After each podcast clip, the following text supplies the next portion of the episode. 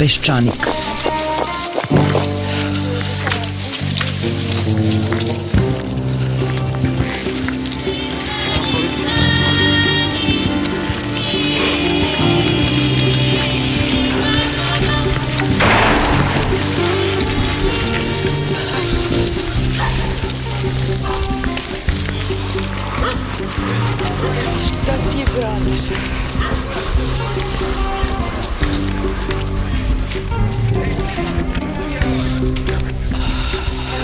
Peščanik.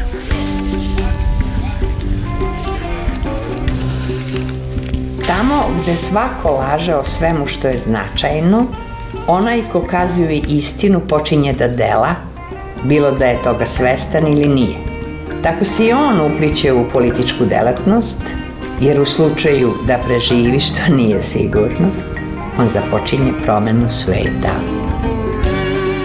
Počela je izborna tišina u Lučanima i Mionici i ne znam da li sme uopšte nešto da se priča što nema veze sa Deda Mrazom i Rosima i Saonicama. Jer se u ove izbore uključila teška artiljerija, počeo od premijera, ministara pa sve do Ane Bekute i Jace Lukasa. Izborna kampanja povodom usvajanja novog budžeta vođena je u parlamentu, gde je vlast demonstrirala silu, osionost i prostakluk, a opozicija nemoć i poneki prostakluk. Svi se slažu da država mora manje da troši, na primer na javne nabavke. I to taman kada je Ministarstvo unutrašnjih poslova naručilo tonu pastrmke i oslića.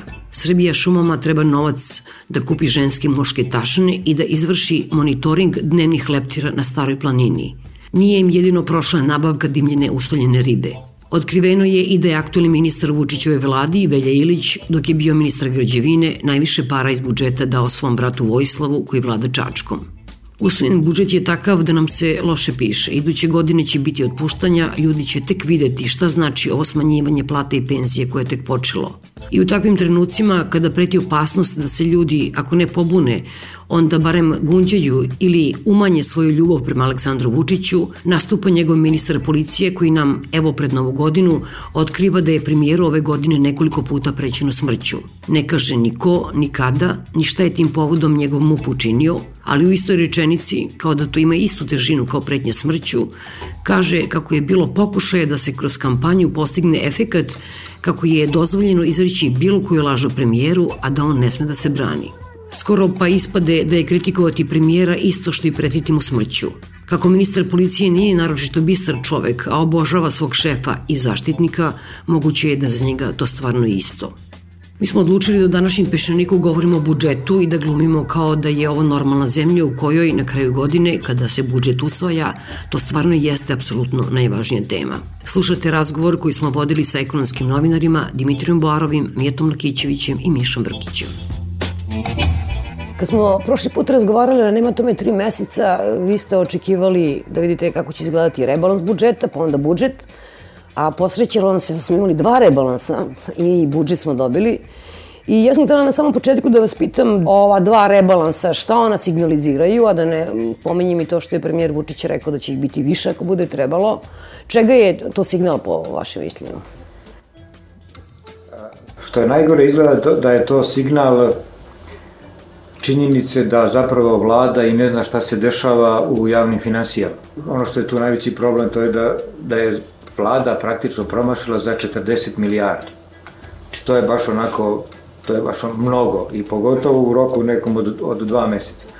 I kada pogledamo sad budžet za iduću godinu, onda samo možemo da se pitamo, pa dobro, kako možemo da verujemo da je to što, su, što je sad izrašeno, da, da to valja i da će to da, da drži vodu. A kako onda objašnjavate to da je Vučić dao to iz inata, ono rekao šta se i bunite što je bilo dva rebalansa, ako treba biće ih i više i da to, u tome ne vidi ničeg lošeg prosto. To je veliki problem, to je poseban problem, zato što budžet, to je zakon o budžetu, znači zakon koji otprilike određuje neki makroekonomski okvir u kome će se privreda, pa i svi građani kretati iduće godine, javna preduzeća, čitav javni sektor. Znači svi mi. Kad vam premijer kaže da može da bude pet, da, da će jedan zakon da se menja pet puta, on automatski prvo kaže da ti ljudi koji prave taj zakon nisu kompetentni ili da su oni, kako neodgovorni ili da tom poslu pristupaju neozbiljno, ali poseban je problem što Kao i svaki zakon kad se menja, to znači nestabilnost. Jer vama treba, znači šta je ključno za ekonomiju? Stabilnost, da date kakvi će biti uslovi makar na godinu dana. Koliko će država troši, šta će da uzima, koliko će da, da daje, koliko će da troši. Ako će to da se menja svaka dva ili tri meseca, to znači da ljudi zapravo ne mogu da računaju sa stabilnim ambijentom. Ono što Srbiji najviše treba, to je upravo ta stabilnost. I opet, to se ne radi samo da kažemo o, o, ekonomskoj stabilnosti, nego ja mislim da to ima i političke reperkusije.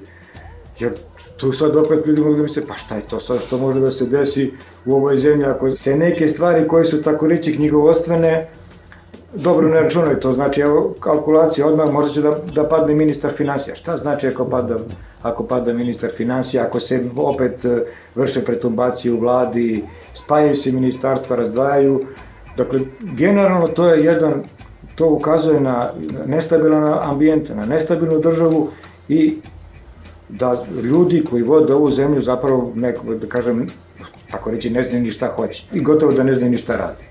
Svi čekaju u normalnoj državi da vlada predloži i parlament usvoji budžet da bi znali kako da se dogodine ponašaju. A ta priča sa četiri ili pet budžeta, to je, me, moja prva asocijacija je bila šta se držimo budžeta ko pijan plota. Ali dobro, on je to objasnio na neki način kao neki parametri su se poboljšali, pa onda želimo da se prilagodimo tim parametrima. Ne sme to da se radi. Znači, vi morate rashode da dobro procenite. Jer vi, da biste rashode pokrili, vi ili morate da uzmete od poreza, znači morate da raspišete porez i razne druge prihode, I ako vam te pare ne trebaju, vi znači da ste od građana uzeli više nego što je trebalo. Zašto ste uzimali više? Ne sme država, kako ne sme ni da vraća. Ona to mora da bude maksimalno izbalansirana. E, mnoge stvari su netransparentne u, e, u svakoj državi gde jedino jedan čovjek zna šta će se raditi. Postoje niz indicija da niz stvari kasni. Ja se sećam da je bilo da će biti 1. decembra rešenje za Smederevsku železaru, pa je prebačeno na 31. januar. I meni se da je tu nešto krupnije odloženo, ali mi ne znamo tačno ni iz prvog rebalansa, ni iz drugog, šta je tu izostalo. To je prva stvar. A druga stvar, što je opasno što se govorio da je vlada uspela nešto da uštedi. A ona je samo smanjila deficit. To je kao kad ja uđem u kafanu pa kažem sad ću na muziku potrošiti 220 milijardi, pa potrošim samo 170, 180 milijardi i sad, pošto nisam dao svih 220 milijardi muzici, ja ovih 40, 50 smatram da sam uštedio i idem pa trošim dalje. Prema tome, ne može se reći e, ni u jednom budžetu koji ima tako veliki deficit, ovaj, ne može se govoriti nekoj uštedi. E sad, Može, reći, može se govoriti o uštedi ako je e, taj deficit već pokriven zaduživanjem u inostranstvu, pa sad nismo potrošili na nešto, na nešto krupno, nismo se usudili, pa onda, pošto smo se već zadužili, onda ajde da platimo neke druge obaveze koje, koje ovaj, starije obaveze. On je govorio da sad vlada isplaćuje neke ranije obaveze koje su ovaj, ostali dužni seljacima i ne znam kome drugom. Naravno, ja se slažem da tamo gde ima mnogo rebalansa nešto nije u redu sa ekonomskom politikom i nešto nije u redu sa, sa vladinom politikom i vladinim uvidom u realno stanje. To se ja slažem.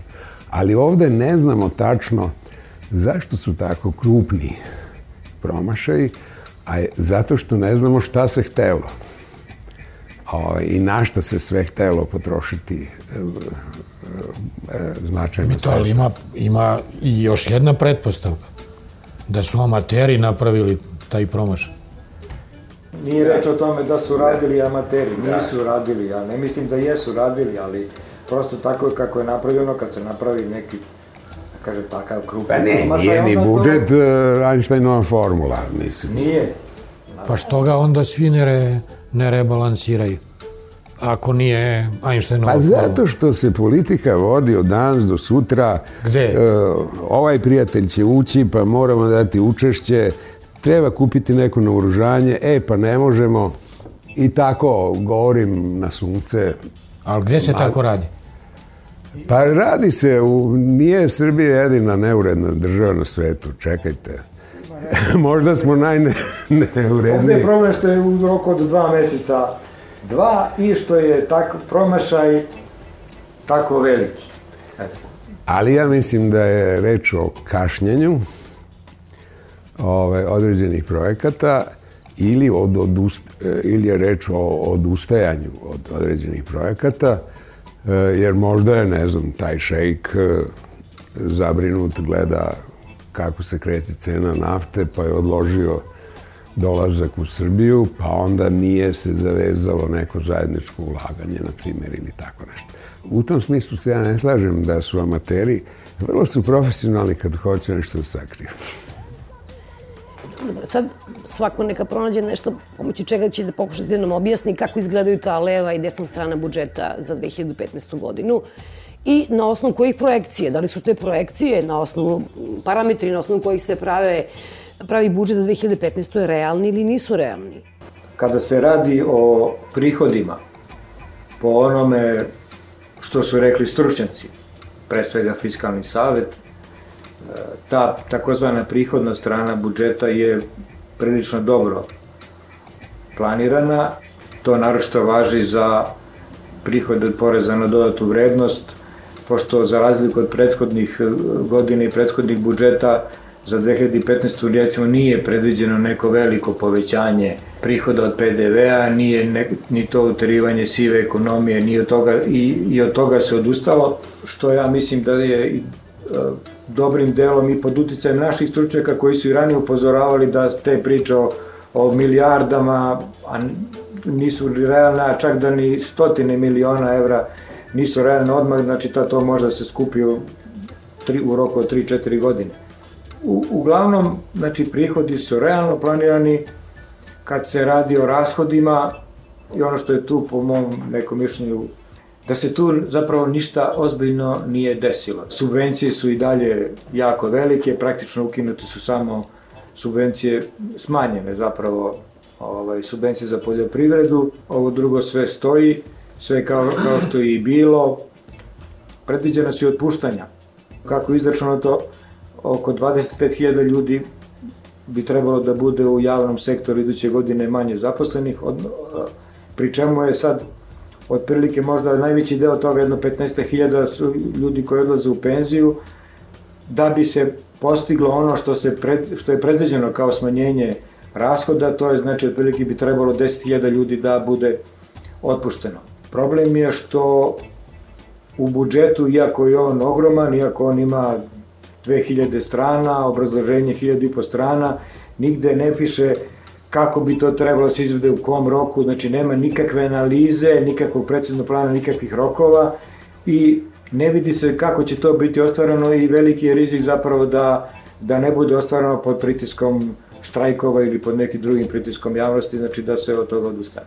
Ja se ne slažem potpuno sa tom ocenom i fiskalnog saveta i pojedinih stručnjaka da je ta prihodna strana korektno izvedena. Evo ja ću samo nekoliko znakova pitanja postaviti. Na primjer, vi sad idete sa 2,5, mislim, posto porasta prihoda, što je odmereno. Ali e, budžet je pravljen uz pretpostavku o padu BDP-a za 0,5%. Pri tome imamo jela, tu veliku parolu štednje. E, uzmimo da će narod lojalno podržati tu parolu, ajde da štedimo godinu, dve, tri, sad je ispalo tri, iz početka se govorilo dve godine, sve ima svoju inerciju. Ako ste vi uplašeni ovaj, za svoju egzistenciju, onda i oni koji bi mogli trošiti, na primjer, isto kao ove godine, jer imaju neke dodatne prihode, oni će manje trošiti, po mom mišljenju. Ali, ta moja sumnja se odmah može korigovati s tim da je moguće da uvek da vlada drži u rezervi akcizu na struju. I to je to poskupljenje kao struje. I sada, dosta se očekuje od toga što će umesto potrošača goriva, to jest naftnih derivata i gasa, umesto da to građani iskoriste u, u laovskom delu, to poeftinjenje goriva, što bi, dalo, što bi bilo prokonjunkturno ovaj, sa gledišta tog glavnog problema Srbije, mali BDP.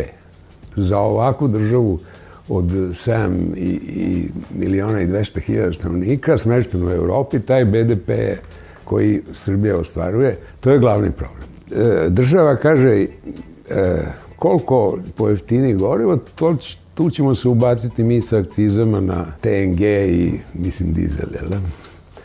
Ovaj, znači, država će tu jednu svetsku okolnost da padaju cene nafte, a opšta je procena da će, da će taj trend, čak se i Putin složio da će to biti dve, tri godine, ovaj, tu se država ubacila, tako da se tu očekuje nešto veći prihod koji će možda kompenzovati smanjenu, smanjeni PDV na robu široke potrošnje. A u krajnjoj liniji ostaje mogućnost rebalansa, pa se uvali akciza na struju i skoriguju se ti prihodi da budu 934 milijarde, tako nešto. Sve u svemu, prostor za e, neke krupne, široke poteze ekonomske politike u postojećem sistemu institucija je, po mojom mišljenju, veoma uzak i zbog toga su ti rebalansi, jer, jer Srbija je mala država, najđe neko svrne u, u vladu i kaže imam poznanika, druga, koji će tu investirati, ne znam, milijardu i onda sve tu krene u tom pravcu, onda se to izjalovi, pa im se odustane. Tako da, e, teško je upoređivati još uvek ekonomsku politiku Srbije sa ekonomskom politikom ozbiljnih država. 2014. Šta je uzdrmalo zemlju? Jedan poplavljen grad i jedan ugljen oko. Elektroprivreda imala pola milijarde evra štete. Znači, društveni proizvodi ove godine za 2% manji nego prošle. Od toga su same poplave po procenama otprilike između pola i 1 od 100. Ne, jedan, jedan, između 1 i 1 i pošto. Ne, ne, je, samo ako se uračuna u to i to što nisu na vreme obnovljeni ugljenokopi. A to čak, znači nema to veze. Ali nema veze, znači to je, problem je što je to kasnilo tri meseca, a nije moralo da kasni tri meseca. To je, da kažemo, stvar nesposobnosti vlade, a ne, a ne poplave. I to je problem. Ali to je jedna vrsta nepogode. Znači, nije elementarna, ali je nepogoda. Pa dobro, ali da, da ljudi znaju ipak, znači da to nije ovaj, poplava, nego da nije sve druga vrste, ovaj, druga vrste štete. Ja sam uzeo poplave ove godine kao jedan od rizika koji su značajno destabilizovali ekonomsku situaciju. Šta ako 1. februara ne prodamo železaru Smederevo? A to prodaja prvog, prostite samo, znači prodaja železare je u stvari dogovorena sa i MMF-om i sa Evropskom unijom. Na neki način je obećano to da će Pazite, se... nema, Nije to, dogovoreno. nema tu prihoda od prodaje, nego ne, ušteda razumem, na... Ušteda na subvencije, razumem. Ne, pa da, ako ostane da se železara ne proda, šta će država da radi s time? Dobro, izvinite samo, znači, to je rebalans 60 budžeta. miliona, uštedi nekih 60-70 miliona evra, Da, tako? 60 plus uh, još Dobro. što ne plaćaju gas i struje. U ovako nestabilnoj i maloj ekonomiji i kad stane železara ili radnici izađu na ulice, to je problem. Borba protiv sive ekonomije. Ja pozdravljam ideju da se ta borba vodi i da se pojača, ali ako se nastavi pad privrednih aktivnosti, ako se nastavi ovako žestok pritisak države da naplaćuje, što pozdravljam, još više će ljudi iz malog i srednjeg biznisa bežati u sivu ekonomiju. Dakle, to je novi rizik na prihodnoj strani budžeta. Da ne govorimo možda nekim novim štrajkovima, o nekom novom mekom srcu premijera povodom nekog nezadovoljstva i ostaje rizik koji se ove godine već pomaljao. To je rizik e, najvećeg srpskog izvoznika, Fijata, kome će prodavati automobile. Tržište za to što se pravi U Kragujevcu je sve suženije, od Amerike do Rusije. Šta ako državni partner u Kragujevcu u fabrici automobila Fiat kaže državi dajte novac da pravimo novi da, da razvijemo novi model. Odakle Srbiji pare za to? Dakle, mnogo je elemenata koji vrlo lako i čas posla mogu da, da sruše tu, tu, tu projekciju i otuda ta priča o čestim rebalansima budžeta. Kada je reč o pretpostavkama, ja samo možda, mislio možda će ljude zanimati prosto da, da čuju kakve su to neka predviđanja za, za sledeću godinu i ono što, i što piše u budžetu. Dakle, Mi ćemo iduće godine imati pad bruto domaćeg proizvoda. Predviđa se da padne lična potrošnja za 3%, državna za 7%. Rast izvoza će biti svega 3%. Uopšte, iduća godina će u tom smislu znači, biti onako ekonomski, ekonomski teška sa, sa malom proizvodnjom. To je zapravo za Srbiju najveći problem. Mi smo malo čas rekli, sa ovakvim bruto domaćim proizvodom, tako reći, ništa ne može da se uradi. Znači, ključno je da se on poveća a ključno za to su investicije. Mijete tu dobro napomenuo, evo već ove godine dva, minus 2% u BDP-u, pa iduće još minus pola posto, a možda i više, ne daj Bože, ili manje, daj Bože. Ali to je sve zajedno e, govori o tome da Srbija ne rešava taj svoj glavni problem. A glavni problem je mali, malo stvaranje novostvorene vrednosti. Jer i strani investitori redko dolaze u zemlju koja je u recesiji. I ne vidi se kraj baš te recesije. Bar onaj deo investitora koji deliniš računa i na domicilno tržište, taj ne žuri. Oni čekaju da, da država krene s BDP-om u vis. Ove godine će investicije biti za 4-5% manje nego prošle, ukupne investicije. Prošle godine su bile za 10% manje nego one 2012. Znači, mi već dve godine uzastopno imamo pad investicija i ukupnih. Domaćih investicija nema. I naravno da su strane investicije jako važne, ali opet u ukupnim investicijama strane su otprilike možda petina ili četvrtina. Znači, gro su ipak domaće, mali investitori. I to je problem, ja mislim da je to za ovu vladu, najveći problem ove vlade, što je ona napravila takav ambijent, ne da ga nije popravila, nego ga je upravo za te male domaće investitore drastično pogoršala, praveći od preduzetnika i privrednika kriminalce, sa finansijskom policijom, sa poreskom policijom koji upadaju u, u restorane, u preduzeća sa naoružani pod punom ratnom opremom. Prosto ne može se radi. Ti ljudi su od poreske policije tretirani kao kriminalci, a naši zakoni su takvi da u svakom slučaju može da vam nađe da ste, da ste nešto ovaj, pogrešili. Mislim da ćemo ovaj, malo da govorimo i o porezima na imovinu koje, koje ovaj, opštine razrezuju. Znači, mi zapravo imamo gušenje investicija i investitora u Srbiji. Jako je zabrinjavajuće to što su opštine dobile nalog da se snalaze same, manje više. Opštine su grunule sa velikim povećanjima poreza na imovinu i ostalo im je pravo da i dalje povećavaju. A o kom povećanju tu govorimo? Pa znate šta? 400-500%. U Pančevu, na primer, e, jedan preduzetnik ima, nažalost, blizu centra e, neku staru firmu je kupio pa je plaćao 2500 evra godišnjeg poreza na imovinu, a sad 22.000 evra. Ne, nemojte zaboraviti, nekada u to pozno socijalističko vreme su opštine imale i deo poreza na promete, PDV-a, i to, sećam se, Novi Sad ima 30%, ja mislim. Ali sad je sve centralizovano. Pa sad pogledajte budžete. Prihodi republičke kase 934 milijardi. Prihodi Beograda 82 milijarde. Prihodi Vojvodine 62 milijarde. Prihodi Subotice 5 milijarde. Znači, e, te opštine su e, doista na margini i one od, od nečega moraju da žive. E, ali ima tu i onoga, ajde da bacim, što kažu, tegi na drugu bandu, E, vi imate, ne znam, u Nemačkoj nije jeftino stanovati u vili, jer su veliki porezi na imovinu. e, taj šok tog poreza, to još uvek nije nešto naročito veliko. Ali su ogromne razlike. Naprimjer, vi u Novom Sadu imate kvart zonu sa uh, 42.000 dinara kvadrat procenjena tržišna vrednost, a u Rumi u centru 100 dinara. Ja čak hoću da kažem da taj naš bogat svet malo poreza na imovinu plaća svoju građansku imovinu.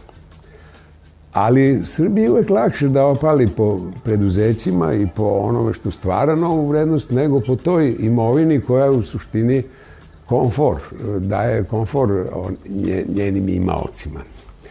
Sve se završava u tom smislu na tom problemu što nemate sintetički poraz. Najduhovitiji zagovornik teze da u Srbiji upravo ti najbogatiji nisu adekvatno oporezovani jer nema sintetičkog poreza je zec. I on je izbacio tu teoriju da se država ovaj, ponaša kao anti-Robin Hood, da uzima od sirotinje i ovaj, daje bogatima. Naravno, to je jedna karikatura.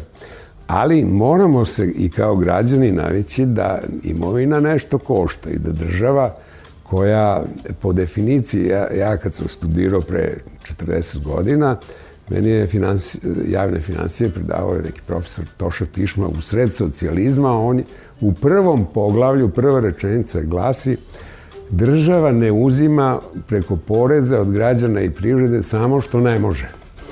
Znači, uzima koliko god može a da ne oceče granu na kojoj sedi. Međutim, Srbija se kao država često ponaša kao onaj koji seče granu na, na kojoj sedi, samo da dovati neke izbore u Mionici ili ne znam, Čačku ili u Lučanima, Lučani ne zaboravite. Ti si malo prepitala kako se to pogoršavaju uslovi. Evo ti najnoviji primer.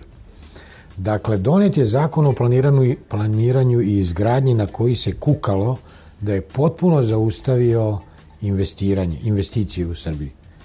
I sad bi trebalo da se poboljšaju uslovi poslovanja i lakšeg investiranja. I onda se sprema novi zakon o energetici u kome se vraćaju sve one otežavajuće okolnosti koje su izbačene iz zakona starog zakona o planiranju i izgradnji. Dakle, hoću samo da pokažem svest, državotvornu svest srpske vlade – Dakle, na jednoj strani primorana je da promeni zakon koji destimuliše investitore, a onda sprema novi zakon kojim nastavlja da ih destimuliše. Ja vam predlažem sada da prosto nabrojimo neke stvari samo koje smo propustili, zbog kojih imamo razloga da imamo glavobolju. Evo, glavobolja je južni tok, recimo. Srbija se opredelila za gas kao ključni energent u industriji, delom u domaćinstvima. I to traje već nekoliko godina, napravljena neka gasifikacija, toplane prešle na gas, industrija prešla na gas i sve se računalo, eto, Boris Tadić i Koštunica napravili taj međudržavni sporazum, bit će nama južnog toka, cela Evropa će da strada, ali mi imamo rešeno pitanje i šta nas briga, još ćemo pride i da zarađujemo od trošarine. I onda odjednom Putinu pukne film i nema ništa od južnog toka i sad smo mi na ledini. I to je sad, kako rekao, ozbiljan državni problem kojim neko treba ozbiljno da se bavi. Iz onoga što ja vidim to su kratkoročne rešenja, otplike pukla guma, aha, imam fleku pa ću da zalepim i idem dalje, ta fleka je taj gasovod Niš Dimitrovgrad, pa kao nakačit ćemo se na neki budući gasovod koji ide iz Azerbejdžana u Hrvatsku i Italiju, pa ćemo to da rešimo. A to ne postoji još, nije na, pa, kako bih rekao, na papiru je, nije, nije počelo da se realizuje, biće ga, ali treba prođe vreme.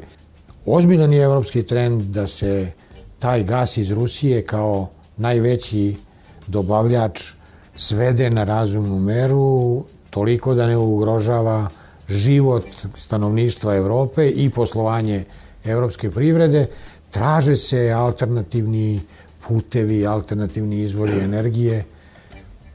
Mene zabrinjava što mi sedimo kao što smo se od 2008. uljuljkivali. Imamo južni tok, zatvorimo šajkaču na teme, legnemo pod sljivu i šta nas briga. I dalje se tako ponašamo, a svi oko nas grozničavo tragaju, tragaju za rešenjima. Ja sam uzeo taj primjer samo da pokažem da svet se menja ne iz dana u dan, nego tri put dnevno se promeni na raznim temama. Fiat je kompanija koju vodi Sergio Marchione. Taj čovek svaki dan živi i radi 250 na sat. On je napravio novu kompaniju s Chryslerom, premestio sedište kompanije u Holandiju, poslove vodi iz Amerike. Fiat u, u Italiji mu više gotovo ništa ne znači. Ima problem u Americi s prodajom Fiatovih automobila. Model koji se proizvodi u Kragujevcu je danas u Americi isto ono što je bio Jugo 45. Dakle, najmanje prodavani automobil koga Amerikanci žele da kupe na tom tržištu. S druge strane, u Rusiji, među deset znakova automobilskih, prvi koji Rusi ne želi da vidi je Fiat. Generalno Fiat. Dakle, razmišljali ne, vlada je, naša država je suvlasnik fabrike u Kragujevcu. Razmišljali neko u vladi šta ako sutra dođe Sergio Marchione u Beograd, umesto Putina ili ovog Li Keqianga i kaže gde je partner s kojim hoću da pregovaram o ulaganju u razvoj novog modela Fiat Chryslera.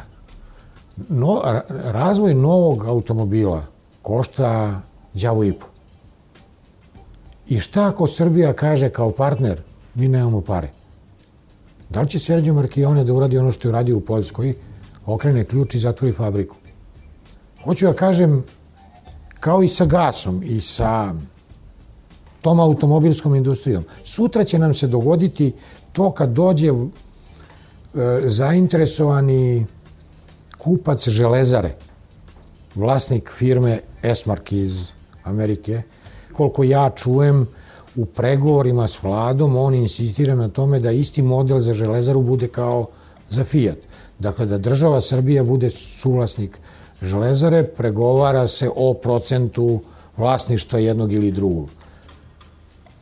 U istom problemu će država Srbija biti kao i, i sa Fiatom. Zna li neko kakva su kretanja na tržištu čelika u Evropi, na Srednjem istoku, na Dalekom istoku, koliko Kina može da povuče? Da li čeličana u Turskoj pokriva celo evropsko tržište sa nešto malo onom železarom u Košicama ili ne? Mi ulazimo da prodamo železaru da bismo rešili problem 5.500 radnika. Evo, na primer, 2015. kreće. E, Srbija još nema ugovor sa Gazpromom o uvozu gasa. I to neće biti lako zaključiti, jer e, Srbija tu računa neko neki kakav poseban tretman, ali poseban tretman do sad uvek bio da smo plaćali čak i skuplje gas nego ovi što su se zbili oko Europske unije. Daj Bože da bude blaga zima, inače ti problemi mogu veoma brzo eskalirati, jer e, odavno je trebalo zaključiti ugovor o uvozu gasa za iduću godinu, a nije zaključen.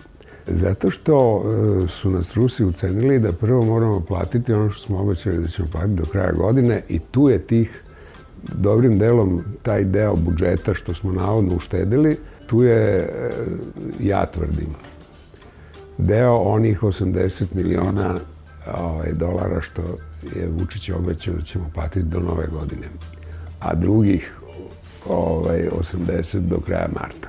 Znači, prvo moraš platiti prvu ratu da počneš pregovore, ali drugi problem je cena. Bez obzira što Srbija relativno malo troši gasa. Uzgled, čisto da vas zabavim, e, Srbija gas je gasifikovala Bačku palanku, a neće niko vas priključi. Ali nije to problem samo u Bačkoj palanci, nego problem je u Južnoj Srbiji.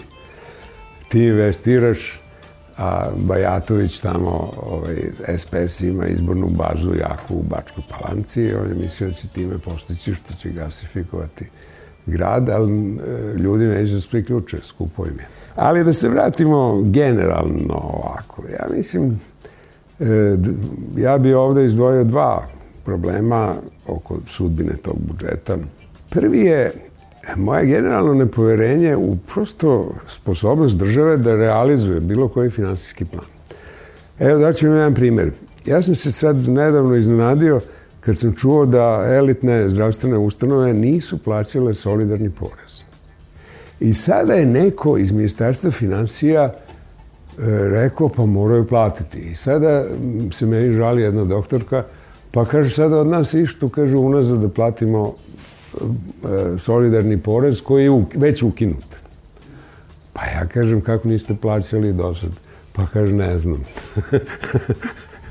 ja tvrdim da čitave zone e, javnog sektora, na primjer EPS i tako dalje, nisu plaćale ni taj solidarni porez, iako je doneta uredba da svako ko ima iznad, ne znam, koliko, 80.000 ili... 60.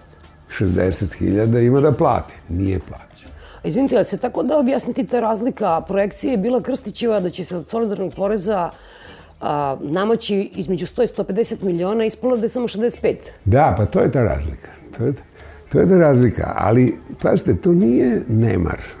To je neko kalkulisanje, sprečavanje štrajkova tamo gde e, ovaj, neki uticajni ljudi smatraju da ne treba, da je sramota, da bude... Ili jak ministar. Ili jak ministar, jel? Ali to sada, ako počne sa ovim zakonom o penzijama i platama, tako ponovo muvanje, to će se urušiti, Srbija će postati jedna hajdučka zemlja, mislim, tu nema zbora. Prema tome, čak i je bolje i kad se loš zakon sprovede nego kad se ne sprovodi ili se selektivno provodi. Ili se selektivno sprovodi, to onda tu nema pravne sigurnosti. I drugi problem o kome večeras nismo razgovarali a teško je o njemu i razgovarati, šta Srbiju čeka na međunarodnom planu. Ta ukrajinska kriza se pokazala globalnog karaktera, takva jedna napetost ovaj, objektivno suzbija konjunkturu kod kupaca srpske robe, na primjer u Evropi, pa i kod e, su, smanjuje raspoloženje investitora da investiraju bilo šta e, ozbiljnije. Ako Srbija nastavi sa tim korekcijama i rebalansima, evo da spomenem sad jedan primjer koga se nisam setio na početku. Kod e, tečnog naftnog gasa, ovog autogasa, e, Nemačka je donela zakon da sledećih 17 godina je akciza taj i taj procenat. Zašto? Zato što to podrazumeva jedno investiranje i potroš, krajnjih potrošača, treba uradiš auto, pa treba da razmišljaš, nemoš ti sad ugradiš danas uh, uh, uređaj za potrošnju gasa u auto, to te, ne znam, košta 1500-2000 evra, a iduće godine država uh, sa akcizom izjednači cenu. Kažeš, ne može rebalans porodičnog budžeta baš svaki dan. Ne može svaki dan. ne može... u Srbiji Da. A s druge strane, ovaj, ako hoćeš da motivišeš povećanje potrošnje nekog ekološki prihvatljivije goriva, ti moraš da kažeš 17 godina su ovi uslovi potrošnje i proizvodnje i distribucije i svega ostalo. Jer neće ni pumpa da kopa, da pravi rezervoar za tečni gas. Ako je na godinu dana. Ako je akciza danas jedna, sutra, sutra petostruko veća. To samo ovaj, e, uvodim jedan primer šta znači to nesigurnost jedna i, i netransparentnost jedne orijentacije. Ne može Srbija dve godine hoće u Evropsku uniju, onda nek, neki predsednik izađe ovaj, i kaže, a uzimaju nam Kosovo. Ne može, e, ni, ni Evropa ne može s nama da radi ako, ako je stalno možemo mi na drugu stranu. Pa ne možemo. Recimo, kad smo kod države i uređenosti njene, znači, ne zna se koliki broj državnih institucija postoji i koliko je broj zaposlenih u državi. Ministar Krstić je to pokušao da prebroji, učinilo se da je uspeo, a sad opet vidimo da se to ne zna. Ako se to ne zna, pitanje je kako da se sprovodi državna politika, odnosno fiskalna politika i kako uopšte može onda budžet da se kontroliše, makoliko to, to bile male stavke. drugo što se tu meni čini, možda sam pod utiskom ove skupštine koja je bila ovih dana, ali meni se ta politička atmosfera u skupštini koja se seli u, u sve delove zemlje uopšte ne sviđa, to je vrlo zatrovana atmosfera i vi imate situaciju da su izbori u Mionici, u Lučanima, to nisu zapravo stvar tih ljudi tamo i, ne, i te lokalne sredine, pa možda, možda bi zapravo pitanje poreza na imovinu trebalo tamo da bude glavno, te za opštine ne, tamo se i dalje vodi velika državna politika i onako ubacuju se haubice, a dosta je loša, dosta je loša atmosfera i, kako kažem, to nije atmosfera u kojoj može da se misli na dugi rok, ako vi svaka tri meseca izlazite i morate nekoga nešto da, da kupite da biste pobedili na nekim malim izborima. Ja ne znam sad, primjer, zašto Zašto Vučić ne bi mogao da izgubi u Mionici? Ajde, neka ne mora on da ode tamo, neka da baš vidi kako je to ako nema, ako nema njega. I onda povezano sa tim je ta partizacija privrednog života. A te mislim, ti partijski službenici koji kroz porezke službe, oni ulaze u preduzeća ciljano. Znači tu se napadaju preduzeća partijskih protivnika, neprijatelja. Odma se kod njega šalje o, porezka inspekcija, ne izlaze, ne izlaze mesecima, obustavljaju rada za to vreme podobni partijski kadrovi pre, preuzimaju te poslove. Sve ukupno je ovde, situacija je nestabilna. Situacija u državi Srbije je nestabilna i ekonomska i politička. Kao Sertić i Vujović, ministar prvi financija, već su viđeni da budu smenjeni. Oni su, tu, oni su to tri meseca. To je baš onako neozbiljno. I što si ga birao? Mislim, ako se pokaže posle tri meseca da, da to ne može da radi. Imaš ozbiljne teme. Kurs, deficit. A svaki dan imaš novu priču, banalnu priču oko koje se cela vlada brine i igra. Nestala devojčica, onda cela vlada traži devojčicu neki pokušao da ubije guvernerku u hotelu, cela vlada juri po Crnoj Gori potencijalnog ubicu. Hapse nekog tajkuna, cela vlada ta, ha, hapsi tajkuna. Vlada samo čeka priliku, pa izbori u Mionici, samo čeka priliku da pobegne, da baci vruć krompir i da kaže narodu čekajte, pa ima važniji problem, da nestalo dete, daj da ga nađemo. Albanski dron je mesec dana bio tema.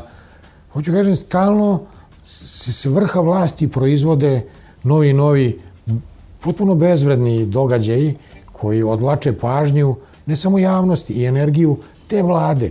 Zato je važno da ona u 2015. ako hoće ozbiljno da vodi državu prema izlasku iz krize, osim štednje, mora da vuče druge reformske poteze koji prave dobar ambijent.